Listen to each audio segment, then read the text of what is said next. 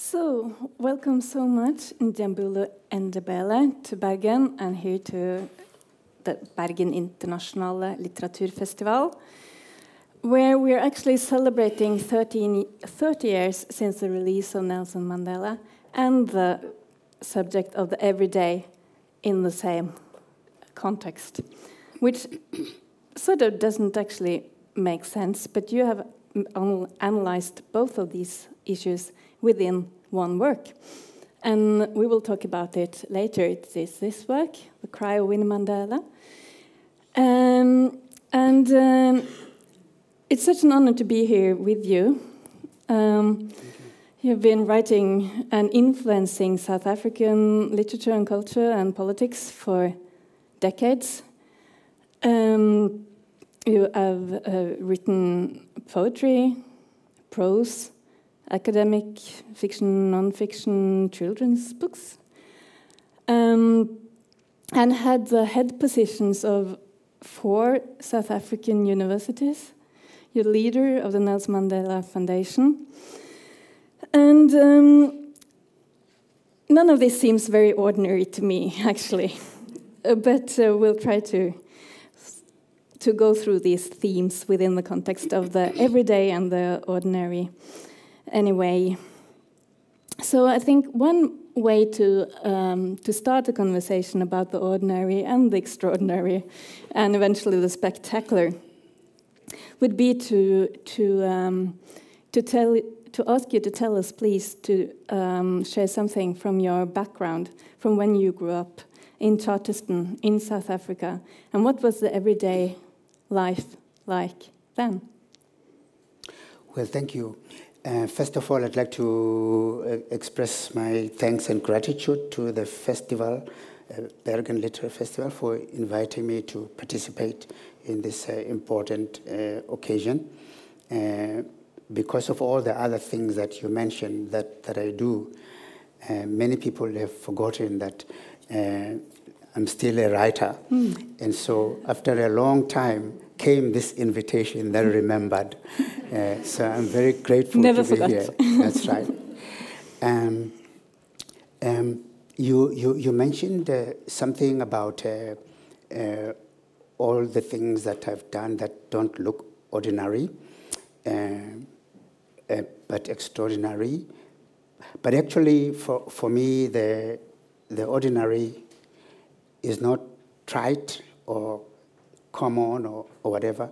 It is actually can be quite extraordinary itself. Mm. And, and we will we'll talk about that as we explore the issue as we move along. But you said that uh, I must talk a little bit about my background. I was born in, uh, in 19, on the 4th of July in 1948. And that means that uh, um, I was born in the year apartheid was born. So uh, that I'm proud to say that uh, I outlived uh, apartheid for 25 years or so, and and uh, that's uh, uh, extraordinary in itself.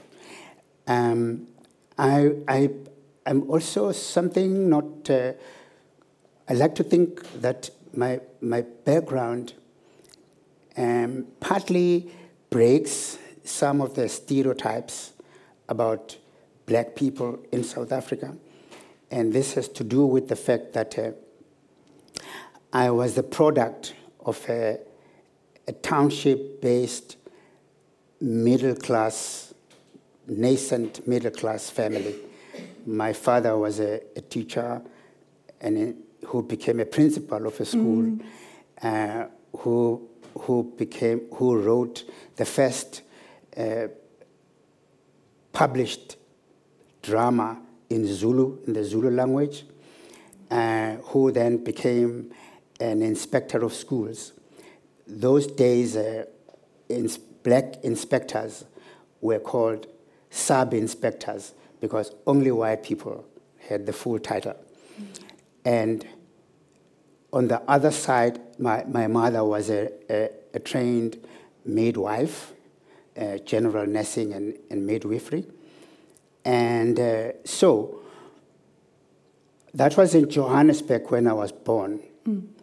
And uh, we moved from Nigel to, from, from Johannesburg to a small town called Nigel in the east rand uh, of, of the, the, the gold mining reef that goes from my, my town, Nigel, all the way past Johannesburg to Randfontein, which is a huge area, but there was just a lot of gold mining there.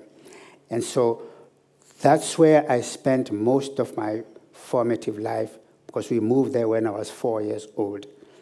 So Nigel is, is a very small town in the east in the East Rand, and uh, guess who was uh, my the the parliamentary representative of Nigel, J.B. Vorster, who was the hmm. prime minister for one of the real terrible people.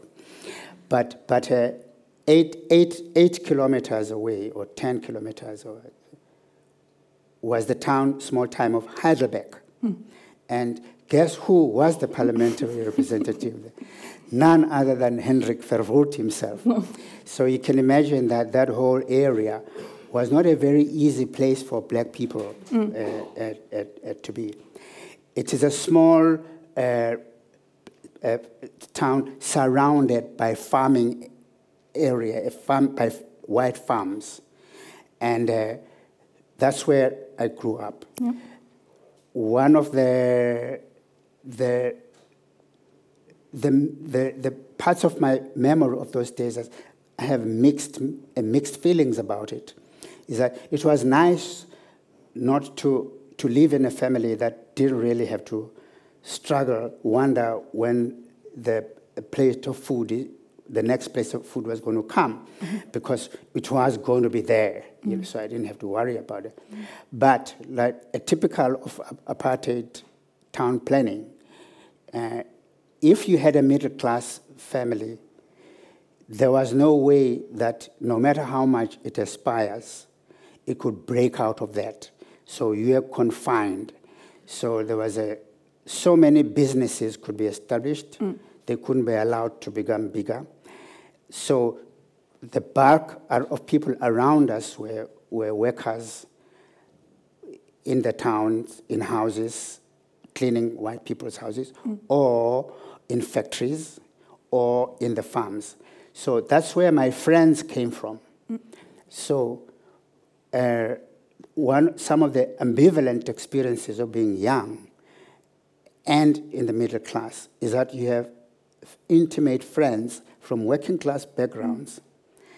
And uh, often I would be ashamed that I was wearing very nice clothes. Mm. On, and, and in fact, um, when we played street soccer, uh, my shoes were invariably the goal posts that, that were used.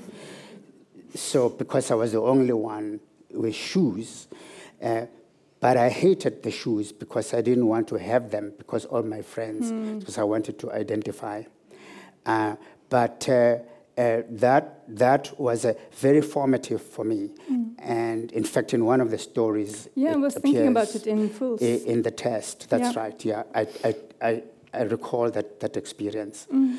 So let me say then that I was not the, the typical image of a black South African who is poor, uh, doesn't know when mm, the next mm. plate of food, works in a factory. It was very, very different. Yeah.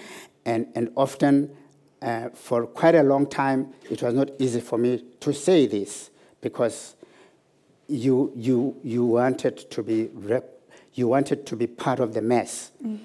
But at a certain point, I became more courageous in expressing the reality of my own situation because it was part and parcel of the broader South African environment. The middle class in South Africa, the black middle class, has grown to play a pretty much important role. And during the presidency of Thabo Mbeki, mm. one of his objectives was to grow the African middle class.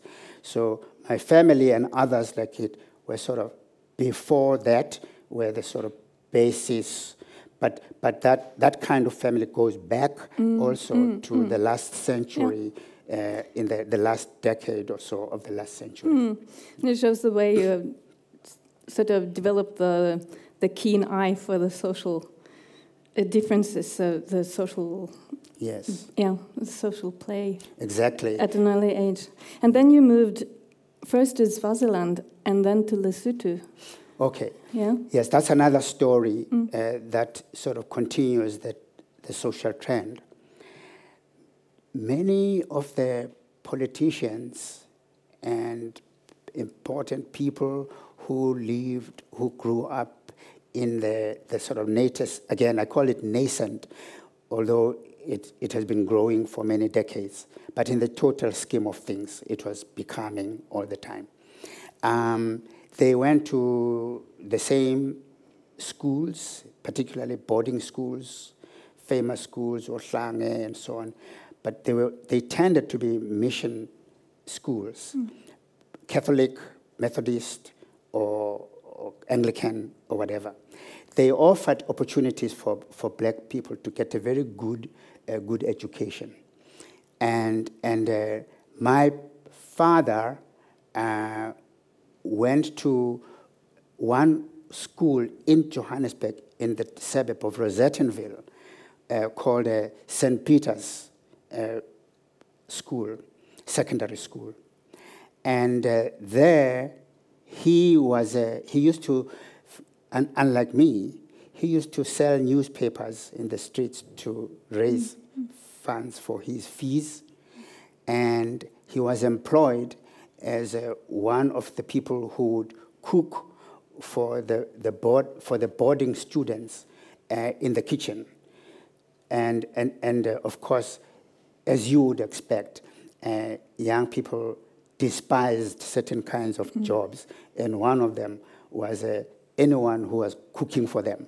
So my father was not, uh, but he, he, he, he bore it all and, and uh, rose to the position that he did in society. What I'm, I'm trying to, to get to here is that he- when the, and, and sort of from the perspective of the broader social history, is that the South, the, the South African government, remember the apartheid government has just come into power in 1948. In, nine, in the 50s was when they really implemented the, mm. the policies like ban, Bantu education for black people, mm. Uh, Immorality. Immorality Act, the anti-communist, what, what, what, and everything. And that's when it all happened. And as a result of that, the government decided to shut down uh, the private mission, mission schools. Uh, many of them were shut down, including Petersburg. And the parents of of uh, who had who were graduates, our parents were graduates of St. Peter's. Many of them took their children to boarding schools outside of South Africa. So when I got to St. Christopher's School in Swaziland, uh, and this is partly what also politicized me, there we were, the two sons of Nelson Mandela were in that school. Uh, two sons of uh, Walter Sisulu were there. We went to school with them.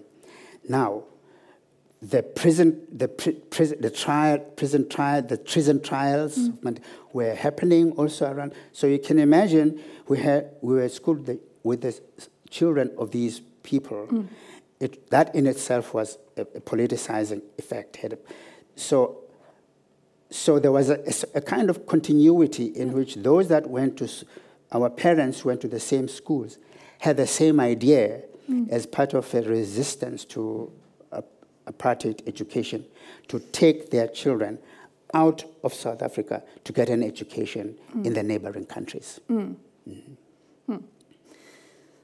So, because um, I'm, I guess many of the in the audience are experts on, on apartheid laws and all that, but maybe not everyone. So Bantu education was really a, I mean, a bad education to It have. was, it, it was a very bad, because it was meant, oh, sorry, And you escaped that and you went to Yes, Swaziland and then later right. to Lesotho. And I was thinking about your experiences in Lesotho because it, what from what I'm written, it um, seems like uh, I think you wrote somewhere that was where you became the citizen of the world.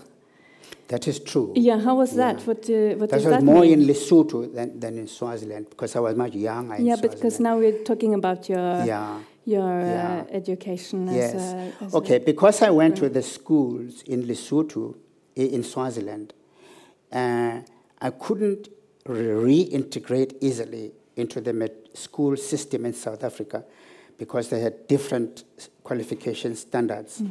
to rise from, the, from matric to the university. So a logical track for me was to go to Lesotho, which was an independent country. And, and so the sort of the, the standards of education were complemented each other in Lesotho and in Swaziland and in Botswana.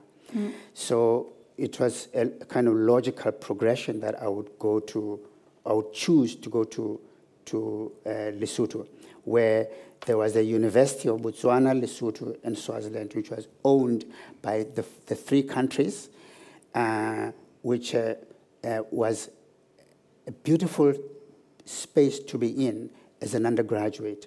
Because here we were in this country that was totally surrounded by another. And we were taught by lecturers, professors who came from all over the world. And the environment on campus was totally international. And the standard of, uh, of, of teaching and researching and discourse was such as was not possible in, in South Africa at the time. And so here we were, therefore, uh, a, an, an island of total academic freedom uh, surrounded by the sea of apartheid uh, education from beginning to end. I think this is a very interesting story because Yes. it has to do with all the transnational influences That's that right. also was part of of, of, of some some people's upbringing at least, and Yeah. and also in the 60s and the 70s when when everything one has heard of was sort of that. Well, it's this white south, white black divide, and Mm. it's uh, it's the same story if you're white. It's this story if you're black. It's that story Yeah. and and your life sort of makes makes that uh, those simple categories refracture a bit. I think. Do you think it had uh, influenced you? Or, to me, it's obvious, but because you, um, as a writer, I think when uh, you're uh, you're also you're. Um, uh, your sense of detail is so uh, uh, obviously very uh, good, and also it's if if it's a, a short story or if it's an essay or if it's a novel, um, you're very keen to look at like people's greetings. What does that mean? Uh, those kind of social interaction that occurs for many people. It's like, okay, that happened. I didn't notice.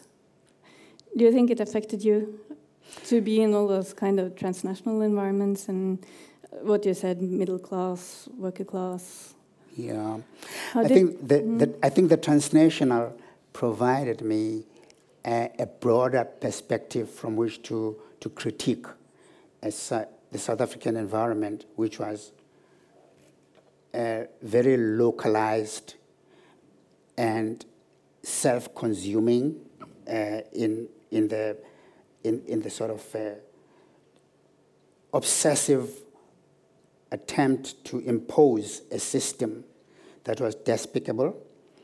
And, and so uh, the, the, uh, the external perspective, the way I can describe it, is that when I, perhaps if I attempt to capture it briefly, is when, when I returned to South Africa after Mandela was released in 1990, and in 1991, a, a lot of us started going back, back home.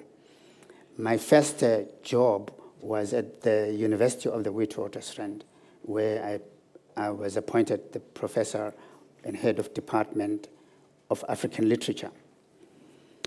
I didn't stay long at, uh, at the University of Witwatersrand. And, and the reason is very simple. uh, when I got there, first, all the people were very, were very nice to me, uh, if I can put it that way. I mean, I'm talking about white friends, lecturers, and but the environment was very white. Mm. You know, And- the, and the now in totality of 1990 it. or that was in 1991 91. Mm. the, the totality of the environment, I couldn't take it because I had, I, had, I had lived for the last 20 years in an expansive, uh, free environment. I couldn't adjust to a situation where, uh, when I returned to South Africa, it was as if I had left last year, if you get what I mean. And, and uh, I, I couldn't take it. So I didn't spend more than a year. And you had been away for 24 I've been away years? for 20 years, 20 for slightly more than that, yeah. Yeah, yeah. Uh, I, I then moved to the University of the, of the Western Cape, Mm. where there was an ideological home of sorts, because all of us there, I mean, the vast majority, were in pursuit of a, of a different vision, you know, of the future. And, and uh, you were not in an environment in which you had to struggle accommodating yourself to what you detested and do your best to try and see to change it, you know, from within, which, ha- which exerts its own difficult pressures and tensions. I couldn't have any of that. Uh, I felt I would rather struggle in, in, a, in, a, in a campus that was not was, was one of the, the created specifically for black people, but which had decided to take a, a strong ideological stance against who it defined itself to be and how to teach, you know, what to teach, uh, how to create admissions procedures that took into account that people came from, you were not, did not have the same opportunities to compete in, on a level playing field. So all those, those difficulties were built into the policies of the university to manage admission, mm. to, to manage a lot, of, a lot of things that would then make it possible for those young students that we admitted to get a quality education and succeed at it. So that, that, that is, is, I was partly responding to, in a long way, to the question uh, that, that you asked. Uh, that uh, uh, from the describing, therefore, the power on an individual's life of having lived outside of South Africa and, and developed over the years an international Yeah. perspective. Uh, studied in Cambridge, studied in, in the United States. So uh, the parochiality of uh, Coming back to that. coming back uh, in an institution that I, I, I revered because of its history of, of uh, its, its position in the protest movement in the 60s. All those things I, I agreed with. But it was something to experience coming back and finding that the people who were in the forefront of things were also uh, locked in, in, uh, in mental constraints that they could not even articulate uh, themselves. And, and that the whole environment in which they practiced progressive uh, politics was severely limited from that school. So, um, to continue a bit with the literature which I put on the table here, we're now in the 1990s um, in the transition phase, sort of uh, from from the apartheid regime and into a democracy eventually, uh, which is uh, um, very much the theme of uh, the cry of Winnie Mandela to, to go there. Um, and when you are, when you talk now, how much of it? I mean, this is for the audience. I don't, it's it's not translated, unfortunately, to Norwegian, um, but it uh, it is a novel that tells a story of four women, South African women, who can um, who has the thing in common that they are all have all been waiting for their husbands. Their husbands have abandoned them in some sense, physically or not physically, actually, but uh, abandoned them. And they come together and they join this club, uh, uh, addressing Winnie Mandela. Um, and um, so that that uh, story you are telling is about uh, South African women waiting, but you're also telling a story about return, homecoming, and difficult homecomings. But um, to just ground it a bit, uh, how did this uh, story come to you in the first place? What, uh, who is Winnie Mandela to you in all this, and where were you when you were okay. trying, where you were yeah. starting to write this extraordinary novel? Thank you. But let, let me step back a bit, and, and you must stop me if I'm digressing too much. But, but I thought that uh, the, the, the answer to your question, I, I need to, to step back a little bit mm. to what you, an observation you made earlier about, about the detail with which I try to capture things. Uh, it, it's conceptually very important to be able to articulate that uh, because the, the, as a result of the outcome the, of this book, mm. Fools and Other Stories, is germane to an understanding of how I got to the notion mm. of, of the ordinary. Yeah.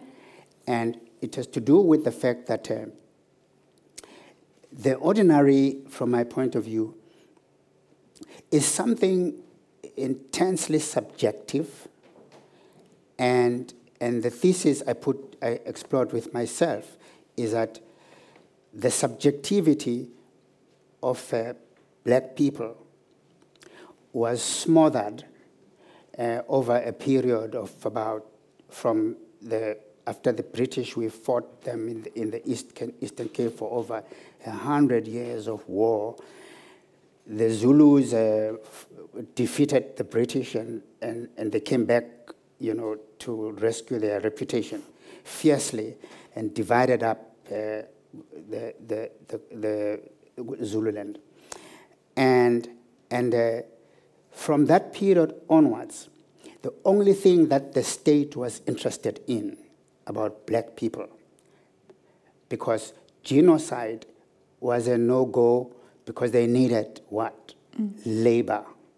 So the the conquest of black South Africans led to turning South Africa into a huge labor reservoir and whose uh, most brutal manifestations was the gold mines, the coal mines, of, where every able bodied person was supposed to go over a long period of time. And, and uh, uh, then the British abandoned us in, when, with the establishment of the 19, 1910, uh, uh, the Union of South Africa. Now, the British are, are very clever uh, uh, colonialists because they, they repress you but make you love their culture somehow. and, and, and, and they do it in a very sophisticated way uh, except on those times here and there when they commit acts of brutality, mm. as in the Boer War. And I think in India, they, there was a sort of mass shooting of, of people, mm. which was a, mm. a, and, in, and in other parts of the world, it's very brutal, violent stuff. But uh, they, then, then they, le- they left e- everything to the Afrikaners in 1910 uh, to and, and for them to, to play control at a distance. So they let the Afrikaners, therefore, create a political and industrial uh, system uh, that was full of uh, English companies, factories, and, and, and all that. So the, the Afrikaner, therefore, did all the dirty work, and, and the British were able to siphon off all the work, the, the, the profits, you know, back to London, mm-hmm. and London became this huge, or more and more of the huge industrial center. Now, when the, the, the, Africa, then the Afrikaners then came in a big way in, 20, in 1913, they took 80% of the land to themselves. Mm.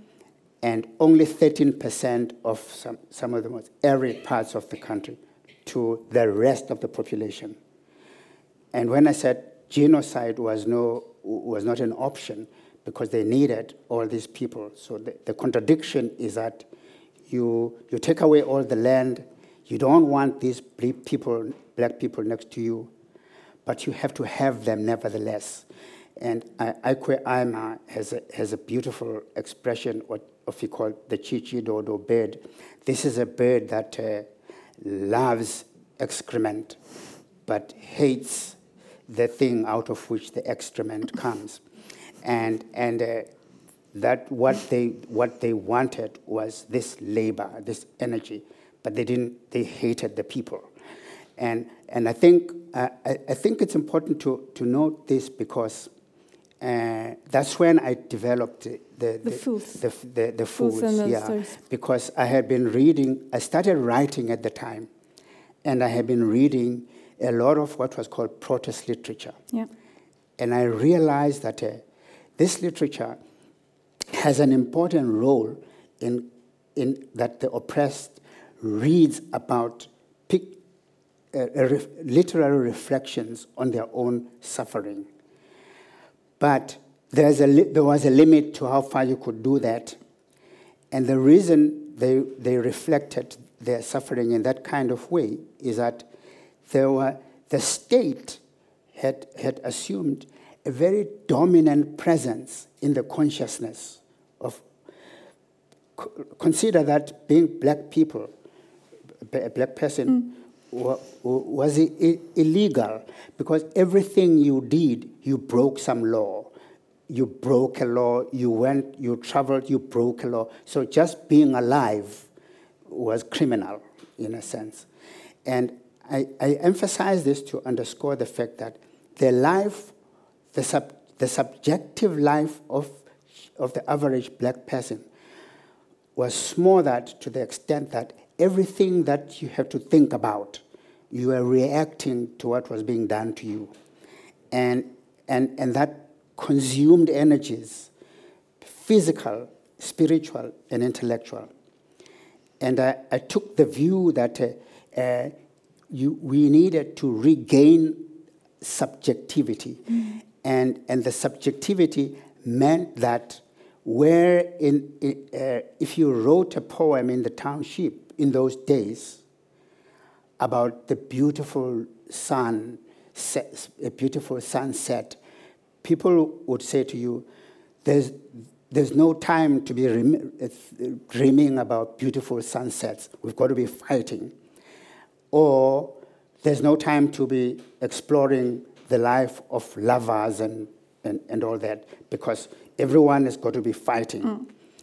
But the point of the matter is that uh, uh, sometimes you, you, you really make a decision to take part in the liberation struggle, not only because you are defeating someone, you, you want to defeat someone who is very bad to you, but because you want to safeguard something of value you know, to yourself, your families, mm. the relationships that you have your loved ones, and so on. That on its own has got to be a subject of literary reflection. So I, I, I, it, it was an act of courage to write about family life, about a little boy who's growing in a middle class black family. Mm.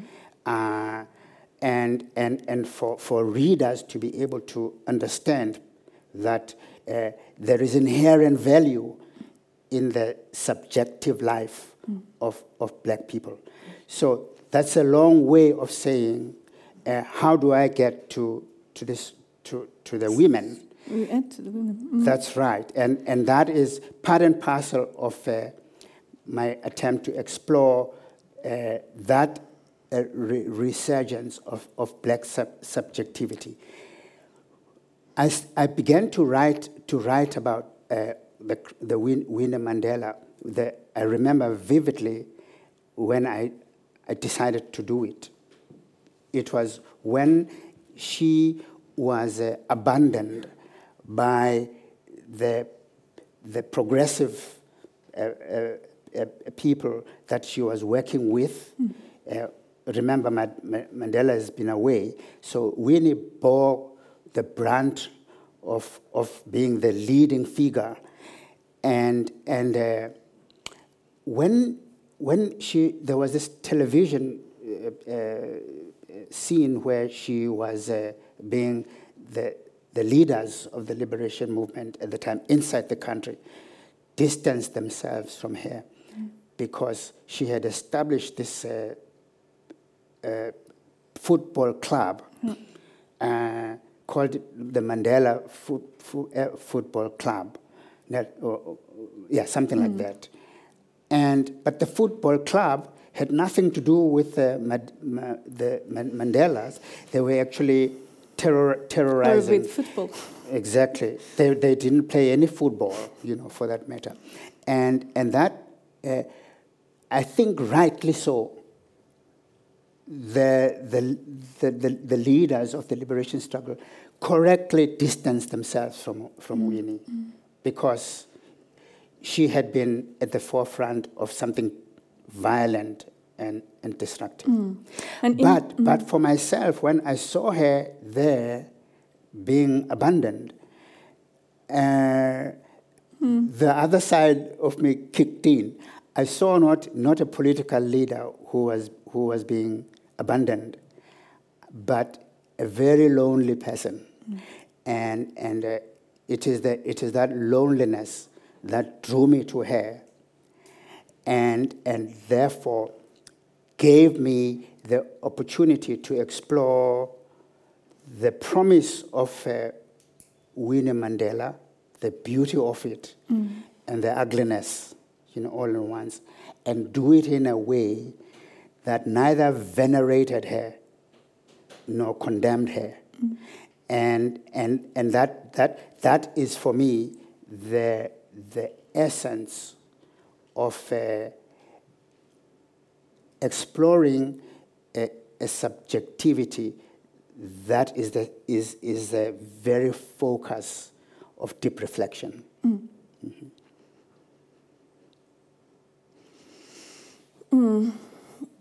It is um, a tremendous novel uh, in many senses, and uh, it has so many um, themes of, uh, well, women's lives, loneliness, being abandoned, coming back to something, uh, and and you describe the political life of South Africa in the in a long period.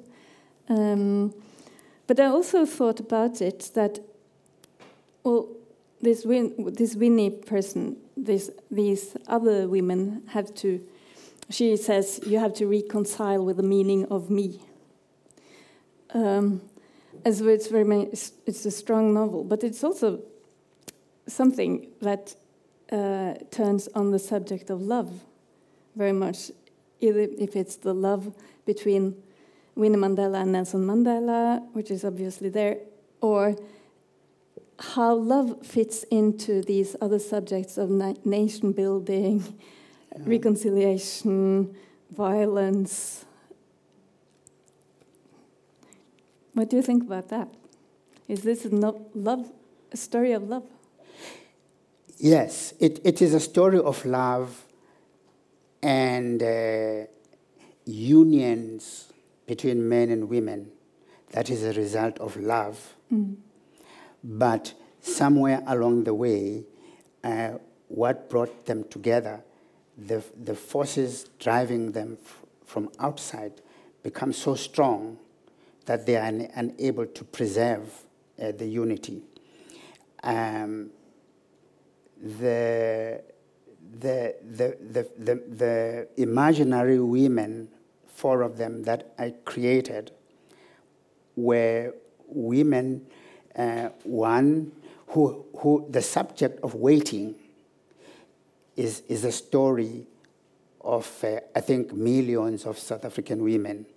I, I, I, don't know, I can't generalize about the rest of the world, but generally, there was always uh, hundreds of thousands of women waiting, waiting for men to come back who had gone to the mines mm. to work. Sometimes they come back, and sometimes when they do come back, they come back to die because of illnesses that they picked up there.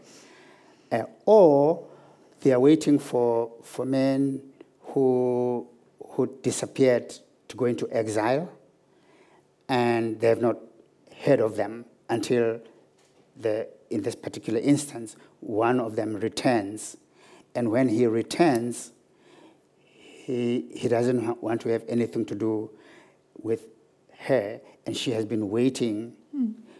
The other one, if you recall, is a woman who, whose husband went overseas to go and become a medical doctor mm.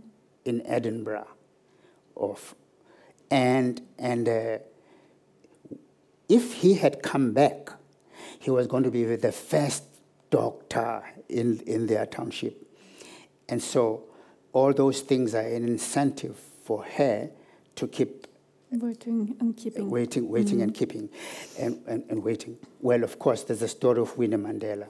So, waiting is, is a subject that easily amenable to exploring the consequences of falling in love and creating a family in an environment where, which makes everything fragile. Mm. And the form of the novel is also very different from Fools and Other Stories, which is have uh, these, uh, uh, to me, very tender portraits of of children, of boys and young young men and old men. but the, if we have gender, we have masculinity, we have femininity. I think you have covered both, sort of with the two. Uh, but um, there are more traditional short stories in a sense than what the Cry of Winnie Mandela is not a very conventional novel.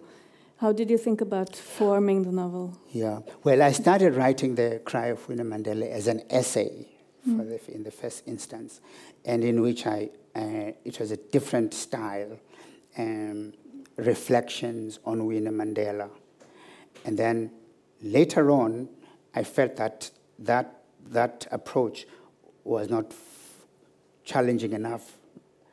And, and it felt, I felt that I needed to create other characters who would, who would interact uh, with her. So I created the other, the, the other, the other characters uh, to, in order to, to show up uh, their own, uh, as I said, their own subjectivities. Yes. Uh, but I also uh, created well, introduce an interesting character.